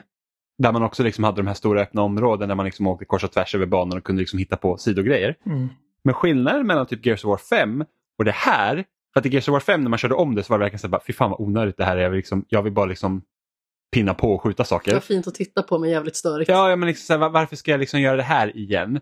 Medan i, i, i Ragnarök så är det liksom det är det är en sån liksom, det är en hel, alltså det liknar mer Witcher 3 här. Det är liksom, här har du en berättelse knuten till det här sidouppdraget och det är värt för dig att ta dig igenom det. Det är inte bara för dig att få XP eller hitta loot utan det är liksom så att ja, men vi ger någonting, visst du får ju spela men vi ger någonting utöver det så att du liksom får också liksom världspåbyggande grejer så att du liksom, eh, ja men ja, du får liksom veta mer om världen, karaktärerna.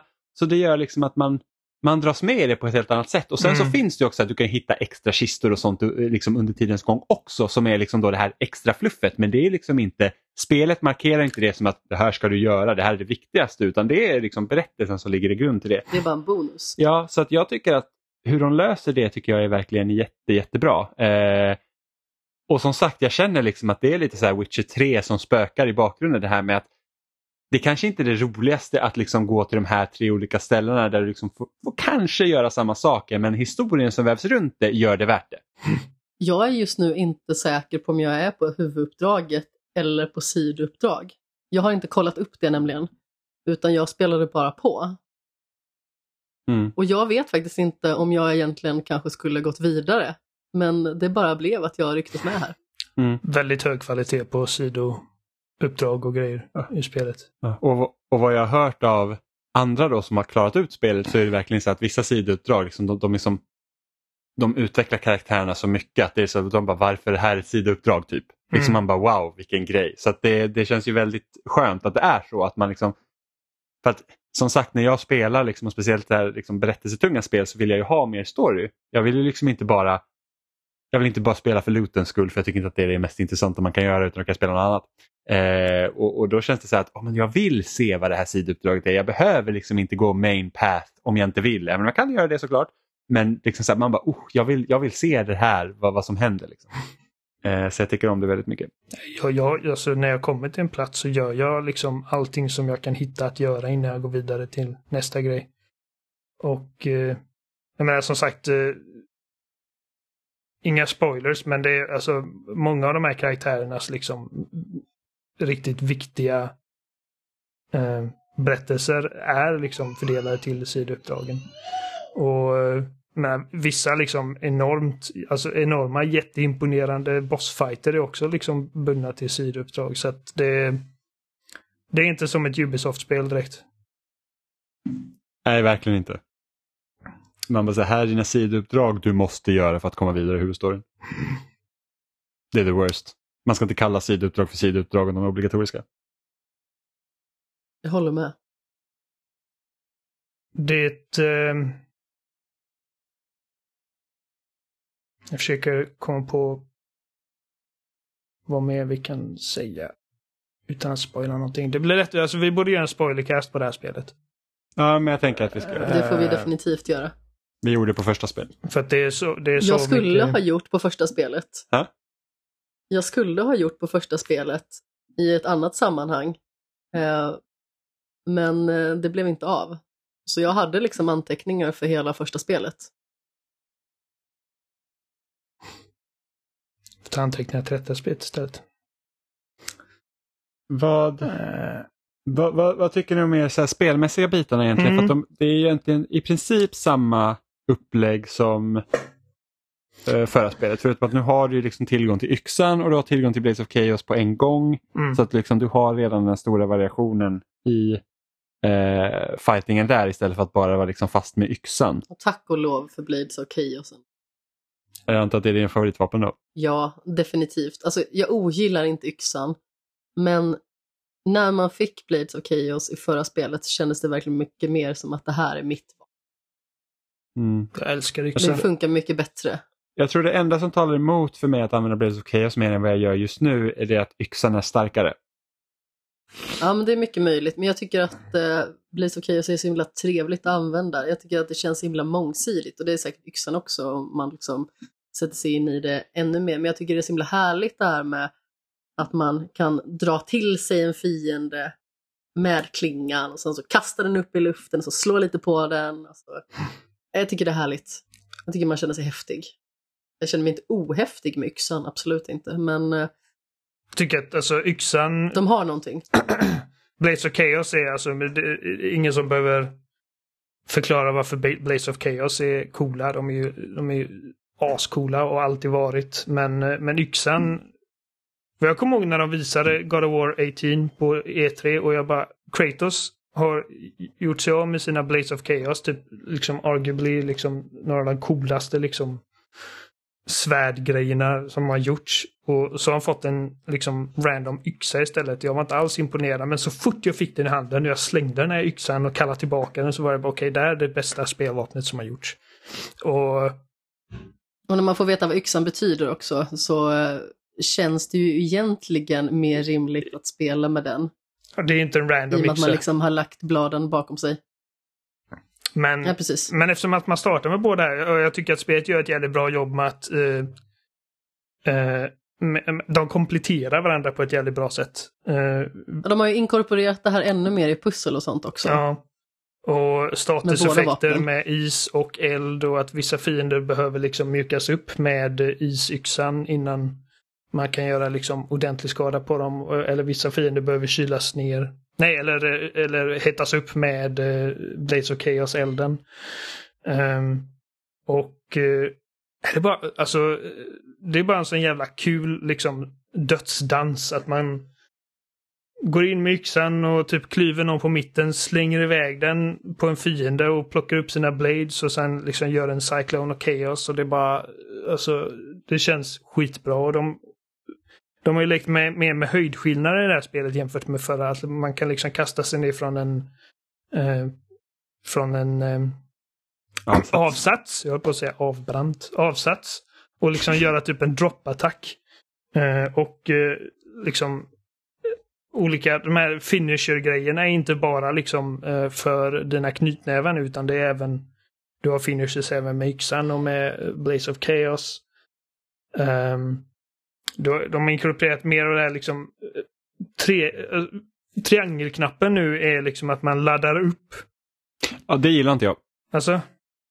Nej, jag tycker det är jag vet inte, jag, jag, jag har jättesvårt att få in det liksom i flytet med resten. Liksom, att då ska jag sitta och ladda upp min yxa mitt i allting. Uh, nu har jag i och för sig jag använder nästan bara triangelknappen när jag kör Blades of Chaos. Ja, nu har jag i och för sig uppgraderingar så att liksom min frost damage laddas upp automatiskt om jag eh, inte blir träffad till exempel. Men, men det här med att ladda upp yxan, det hade jag jättesvårt med i början. Jag var så här, usch, det känns inte alls bra. Jag känner mig så häftig, det känns som att jag står där med ett eldlasso typ.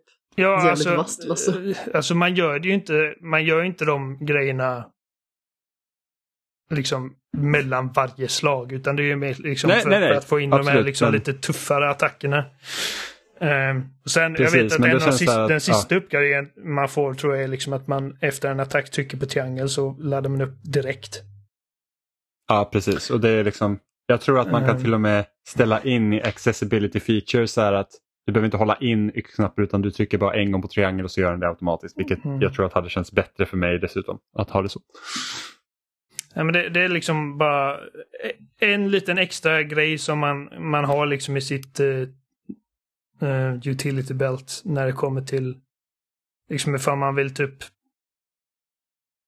man lär sig en fiende att okej okay, nu kommer den här fienden göra liksom en, eh, en charge attack och då kan jag ladda upp en yxa och slänga den i plytet på honom, avbryta den och sen liksom gå in med blades. Och, ja, jag tycker det är um, Det är smart. För jag, jag skulle säga att det är ett omdesignat stridssystem. Alltså i mångt och mycket är det liksom samma um, eller i grund och botten är det, är det liksom att du känner igen dig.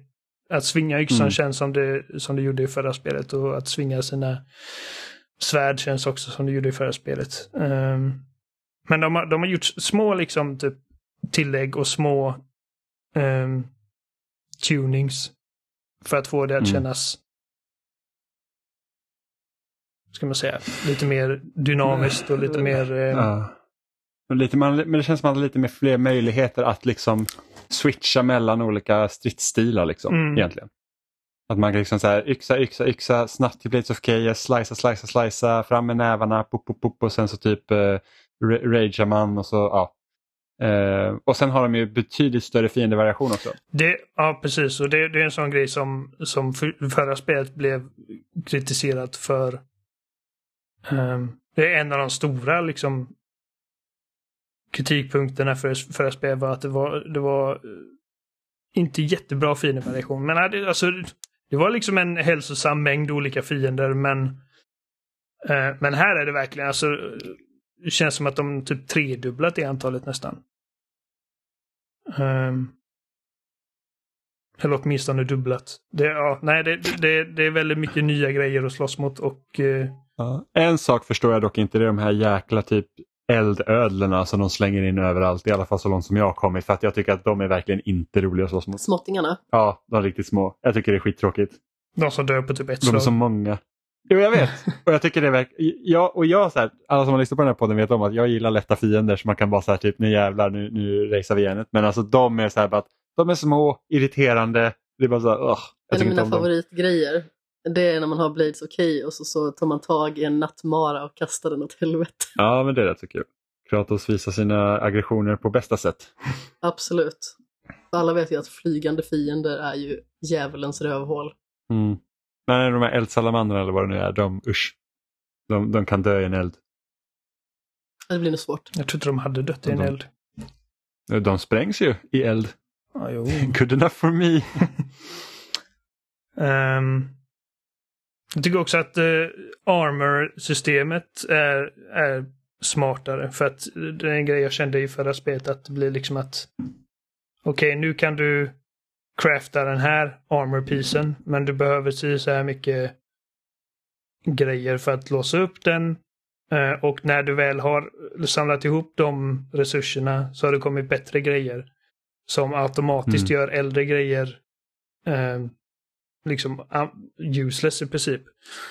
Ja. Och, och de har helt gjort sig av med liksom rarity-systemet i det här spelet. Det finns inga liksom legendary eller common eller uncommon armors utan alla har liksom sin, så här, sina perk ehm, sets.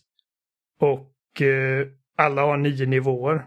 Så att du kan använda liksom vilken armor set du vill genom hela spelet i princip. Um, och det, det känns lättare att mixa och matcha här också utan att gå miste om för mycket. Um, och, där, och nu har inte jag kommit så här långt men jag läste på eh, Playstation blogg att när du har uppgraderat en armor piece till maxlevel, vilket är 9, så kommer du kunna transmogga den till att se ut som vilken annan armor du har i inventoryn.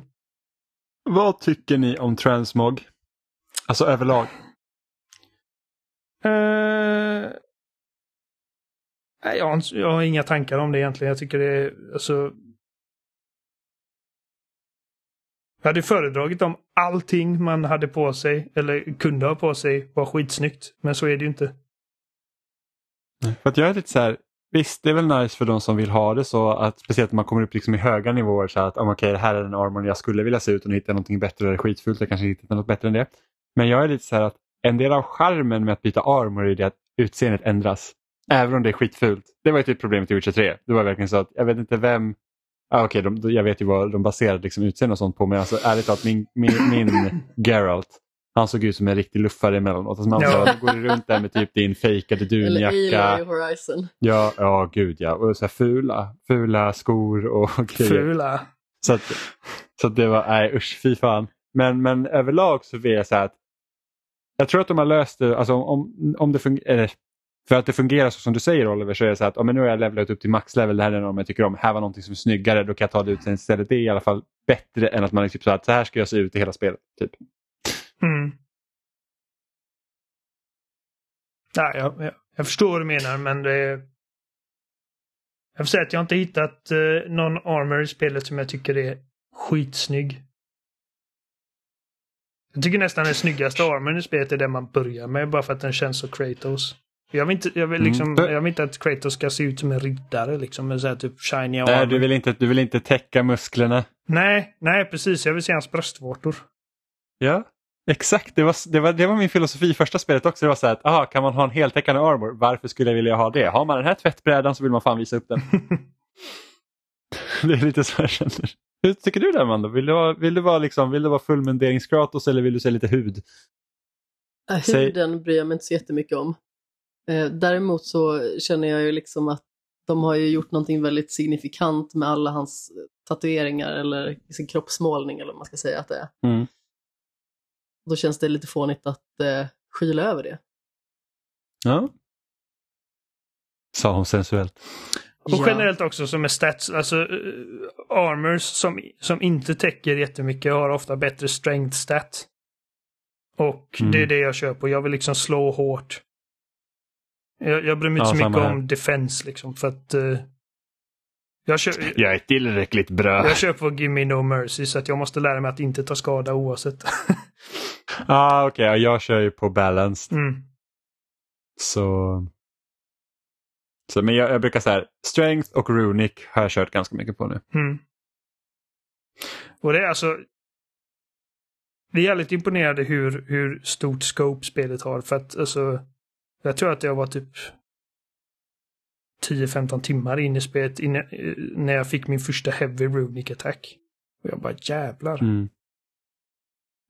Ja, det, det, det är ett ganska massivt spel. Det känns som att jag är väldigt mycket i början och då har jag liksom spelat 10 timmar. Sen har jag sett att folk klarar ut det på typ 26.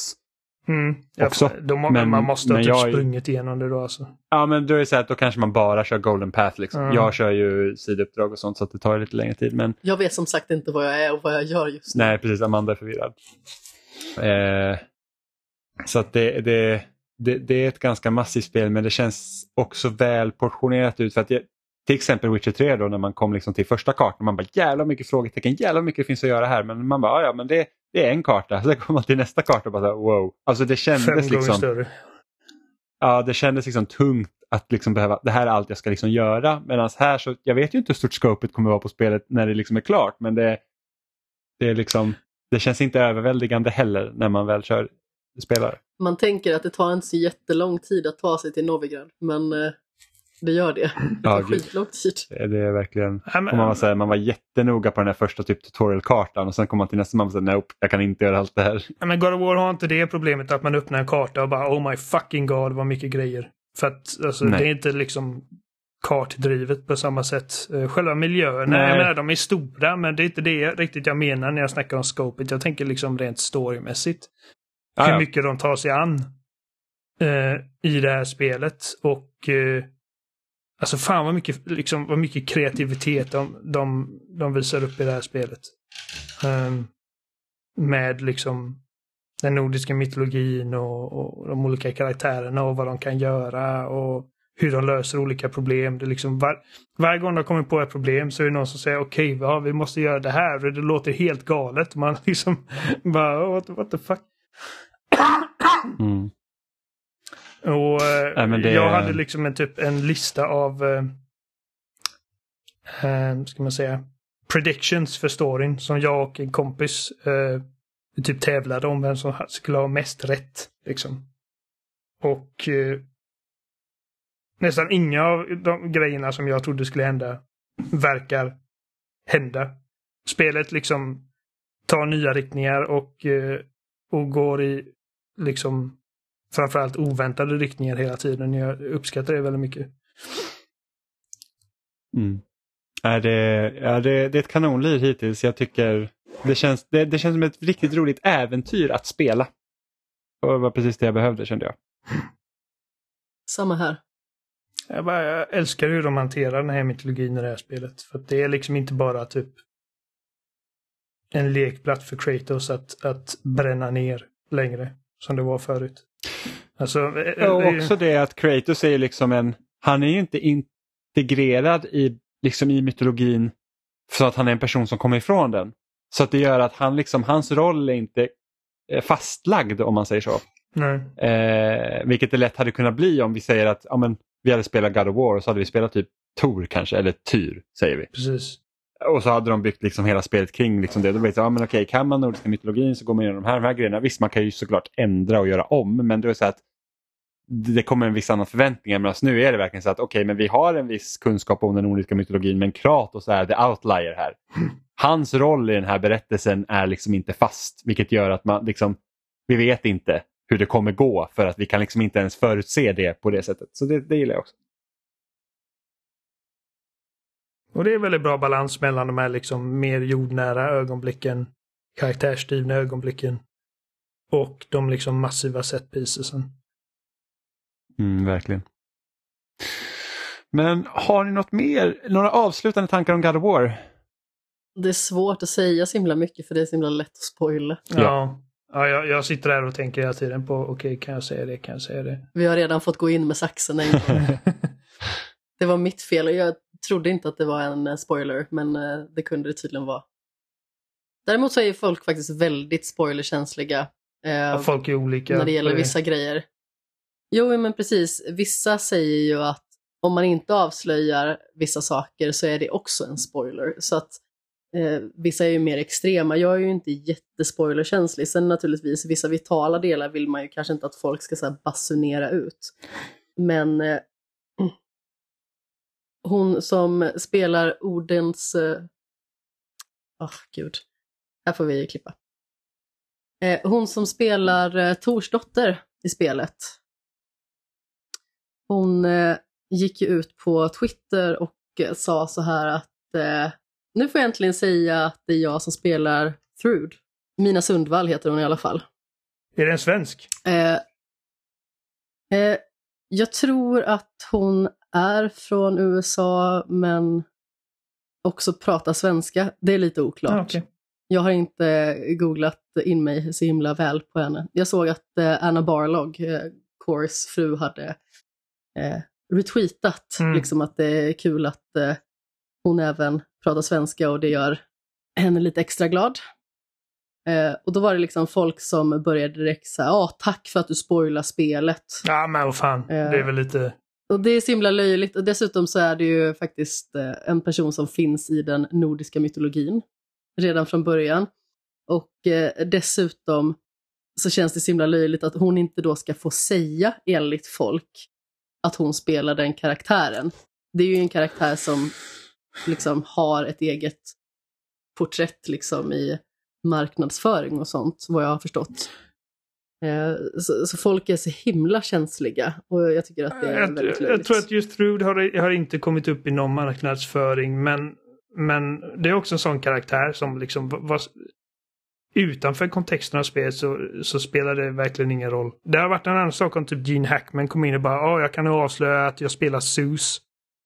För att det är liksom, okej, då är det en spoiler att S- Zeus kommer tillbaka liksom på något vänster. Ehm, Ja. Ja men det är också så här, är man så pass spoilerkänslig då kanske man liksom inte ska följa personer som är tätt kopplade till Men eh, precis, eller projektet. hålla sig på internet i de typerna Ja. av kretsar. Liksom. Det blir så himla löjligt. Men det var ju någon som skrev här, Hey, it's not a spoiler. We already saw her in the Asgardian family portrait of Thor. Till exempel. Eh, jag bara tycker att vissa människor är så otroligt orimliga när det gäller eh, spoilerande ämnen. Sen så är det ju så otroligt subjektivt. Eh, jag tror ju att anledningen till att jag inte är så känslig som många andra, det är ju liksom att jag kom in i spelsvängen så himla sent och eh, har liksom vant mig vid att folk pratar om spel som jag liksom har missat. Eh, och därför så känner jag liksom att det gör inget om jag får ett spel lite grann spoilat. Eh, och visst naturligtvis, hade någon sagt viktiga händelser i eh, God of War eller Horizon liksom precis när de släpps, sådana grejer som man verkligen vill uppleva. Det är ju klart att man kanske hade blivit lite kinkig. alltså jag, Men sakens vara eller icke vara tycker jag ibland är så himla extremt. Om man stöter på en ekorre i spelet, det är ju en spoiler! ja, men så, så, där, så där känns det inte. Jag, jag, jag vill inte veta liksom vad jag kan förvänta mig av storyn. Så ifall jag hade fått reda Nej, på att, att Blaze of Chaos var med i förra spelet så hade jag blivit upprörd. För att det var liksom en sån häftig um, sån häftig reveal och en sån liksom tung scen som leder upp till det. Ja men precis, även Mm. jag som inte har spelat tidigare God of War-spel förstår ju liksom vad det bär för vikt. Mm. Mm. Jag, jag blev spoilad på två viktiga grejer, en i Bioshock 2 och en i Bioshock Infinite som jag gärna inte hade sett. Vad är Bioco- Biocock? Ja. Biocock. Den bara, där kommer, I slutet av Bioshock 2 så kom det den nya titeln in så här, Biocock och det blev verkligen så här X-rated och grejer. Man bara wow, där är det inte väntat mig. Vad är det? Ja men visst, Jag kommer så inte ihåg, eh, vad var det? Vad är Bioshock Infinite? Jag fick Ja, reda på att, Rapture. och spoilers för Bioshock Infinite, jag, ska inte, jag fick reda på att man återvänder till Rapture. Jaha. Vilket var en sån himla stor grej att jag var så här, bara- alltså jag började ju bara, bara Alltså det enda jag kunde tänka på i spelet var vilken koppling det hade till Rapture. Mm. Det var liksom det enda jag kunde tänka på. Eh, och i Bioshock 2 så blev jag spoilad på att man fick spela som Little Sister i slutet. Men visst, Biocock i all ära. Jag tror alltså det var... Ja. Det var Nej men eh, två tummar upp till, eh, tre tummar upp till God of War Ragnarök. Vi kommer säkert fortsätta prata om det och vi planerar också in en spoilercast när vi väl har klarat ut spelet. Ja, Oliver gör väl det ikväll eller något. Ja precis, för oss tar det lite längre tid. Eh, för att nästa vecka så kommer ju både Somerville och eh, nya Pokémon. Pokémon-spelen ut. Så att, eh, som vi planerar i alla fall du och jag att spela Amanda. Sen vet jag inte om Oliver hoppar på Pokémon-tåget men han kanske vill spela Somerville. Uh, vad är Somerville? Oj, denna tystnad. Vad- Eh, Somerville är ju eh, de som hoppade av eh, Playdead och Ja, det är eh, en av Ja, just grundarna till det. Playdead. Just det, det- Jump Ship istället. det spelet. Deras spel. Jag vet Så jag tänker mig att det, jag tänker mig att det inte kommer... Game Pass Oliver. Ja, Ja, Eh. jo i och för sig. Den 15. Ja, precis. Så att jag tänker mig att det inte är ett jättelångt spel heller. Det enda jag vet att jag kommer, alltså som jag garanterat vet att jag kommer spela utöver God of War i år är Callisto Protocol. Ja, Ehm, tänk om livet vore så enkelt. det kan vara det. Det kan vara Men det. alltså- jag, jag är lite sugen på Marvel Midnight Suns också. Jag antar att Amanda kommer vara head over heels över det när det kommer till strategirollspel. Då, men det... Nej, vad skulle du säga Oliver? men, um, man måste inte göra sitt spelande till en chore liksom. Som en checklista på bara, "Åh, jag måste ta mig igenom detta. Ungefär som att det är ett jobb. Bara, Jag har... Ja, jag har Men flera- ibland blir det faktiskt väldigt mycket. Ja, men faktum är att vi har det faktiskt lite som ett jobb Oliver också. Ja, jo, jo. Men... Ja, jo. Men Jag är väldigt ledsen över att jag inte har hunnit spela mer Overwatch 2. Det tycker jag är jättetråkigt. ja, vi har haft kul med det. Jag vet. Jag har spelat två matcher av det. Typ. Så ja, det är lite synd. Ehm, men vi fick faktiskt en kommentar på förra veckans avsnitt. Oj. Eh, Hade det med Biocock att göra? nej, men något B, det hade med Bayonetta att göra. Och jag, jag tror att André på Youtube inte kanske har lyssnat på vårt avsnitt, men han har bara läst titeln och sett på bilden. För att vi har den olyckliga titeln Sitter och buttonmashar och då vill André påpeka här snällt, buttonmashar du i Bayonetta har du inte lärt dig hur Stitchimus fungerar och då missar du hela poängen med denna typ av spel. Och man bara, vi vet, Oliver är praktiskt taget en expert på den här genren och jag vet att man inte ska sitta och buttonmasha i de här spelen. Och jag hade förmodligen gjort det Men ändå. Bayonetta Ja, jag kan man ta sig igenom genom att, genom att buttonmasha. Det är typ liksom... Det är skill- en av de stora skillnaderna med en Bayonetta och Devil May Cry. Liksom, ifall du buttonmashar Devil Devil May Cry så, så åstadkommer du inte så mycket. Men i Bayonetta är det liksom... Du kan ju göra rätt bra skada genom att bara hamra B och I. Kör, och köra samma kombo, Ja. typ. Det finns liksom inget Slag, slag, slag, style-system spark. som säger att uh, byt kombo din jävla imbecill. Ja, tack för att du oombett eh, berättar för oss hur vi ska spela. ja, ja, men oavsett om du buttonmashar eller ej så är Bayonetta 3 inte ett bra spel. Uh, Det kan jag säga. Vad heter han? André? Ja. Han lär inte lyssna på det avsnittet och höra oss. eh, Nej, jag vet. Han har inte lyssnat på förra avsnittet heller. men, Så, för att jag, jag vet inte var någonstans i det avsnittet vi hade gett sken av att vi sitter och buttonmashar. Speciellt inte du Oliver. Så att, det eh, måste jag ha nämnt eftersom inte att... Oliver. eh, Ja, ja men jag, det kan hända att du... Jag tror att det var i den kontexten att Oliver du sa att du kan lika bra sitta och buttonmasha och klara ut trean ändå. ja, ja, men det går. Jag menar, ifall, Eh, ja. Eller i annan kontext. Ja, ja, ja men... Ni har ju pratat om massa annat. Ja, precis. Men jag tyckte bara att det var så himla roligt att det kom en sån. Liksom att någon kände sig att det behöver vara viktigt. Eh, men ni kan också göra som André och eh, kommentera på våra avsnitt antingen på spelsnack.com, Youtube som André har gjort, eh, Instagram, Twitter, Facebook eller loading.se där också avsnitten kommer upp varje vecka. Du hittar oss som vanligt på din favoritpodcast-app och mejla gärna in till oss på kontaktetspelsnack.com.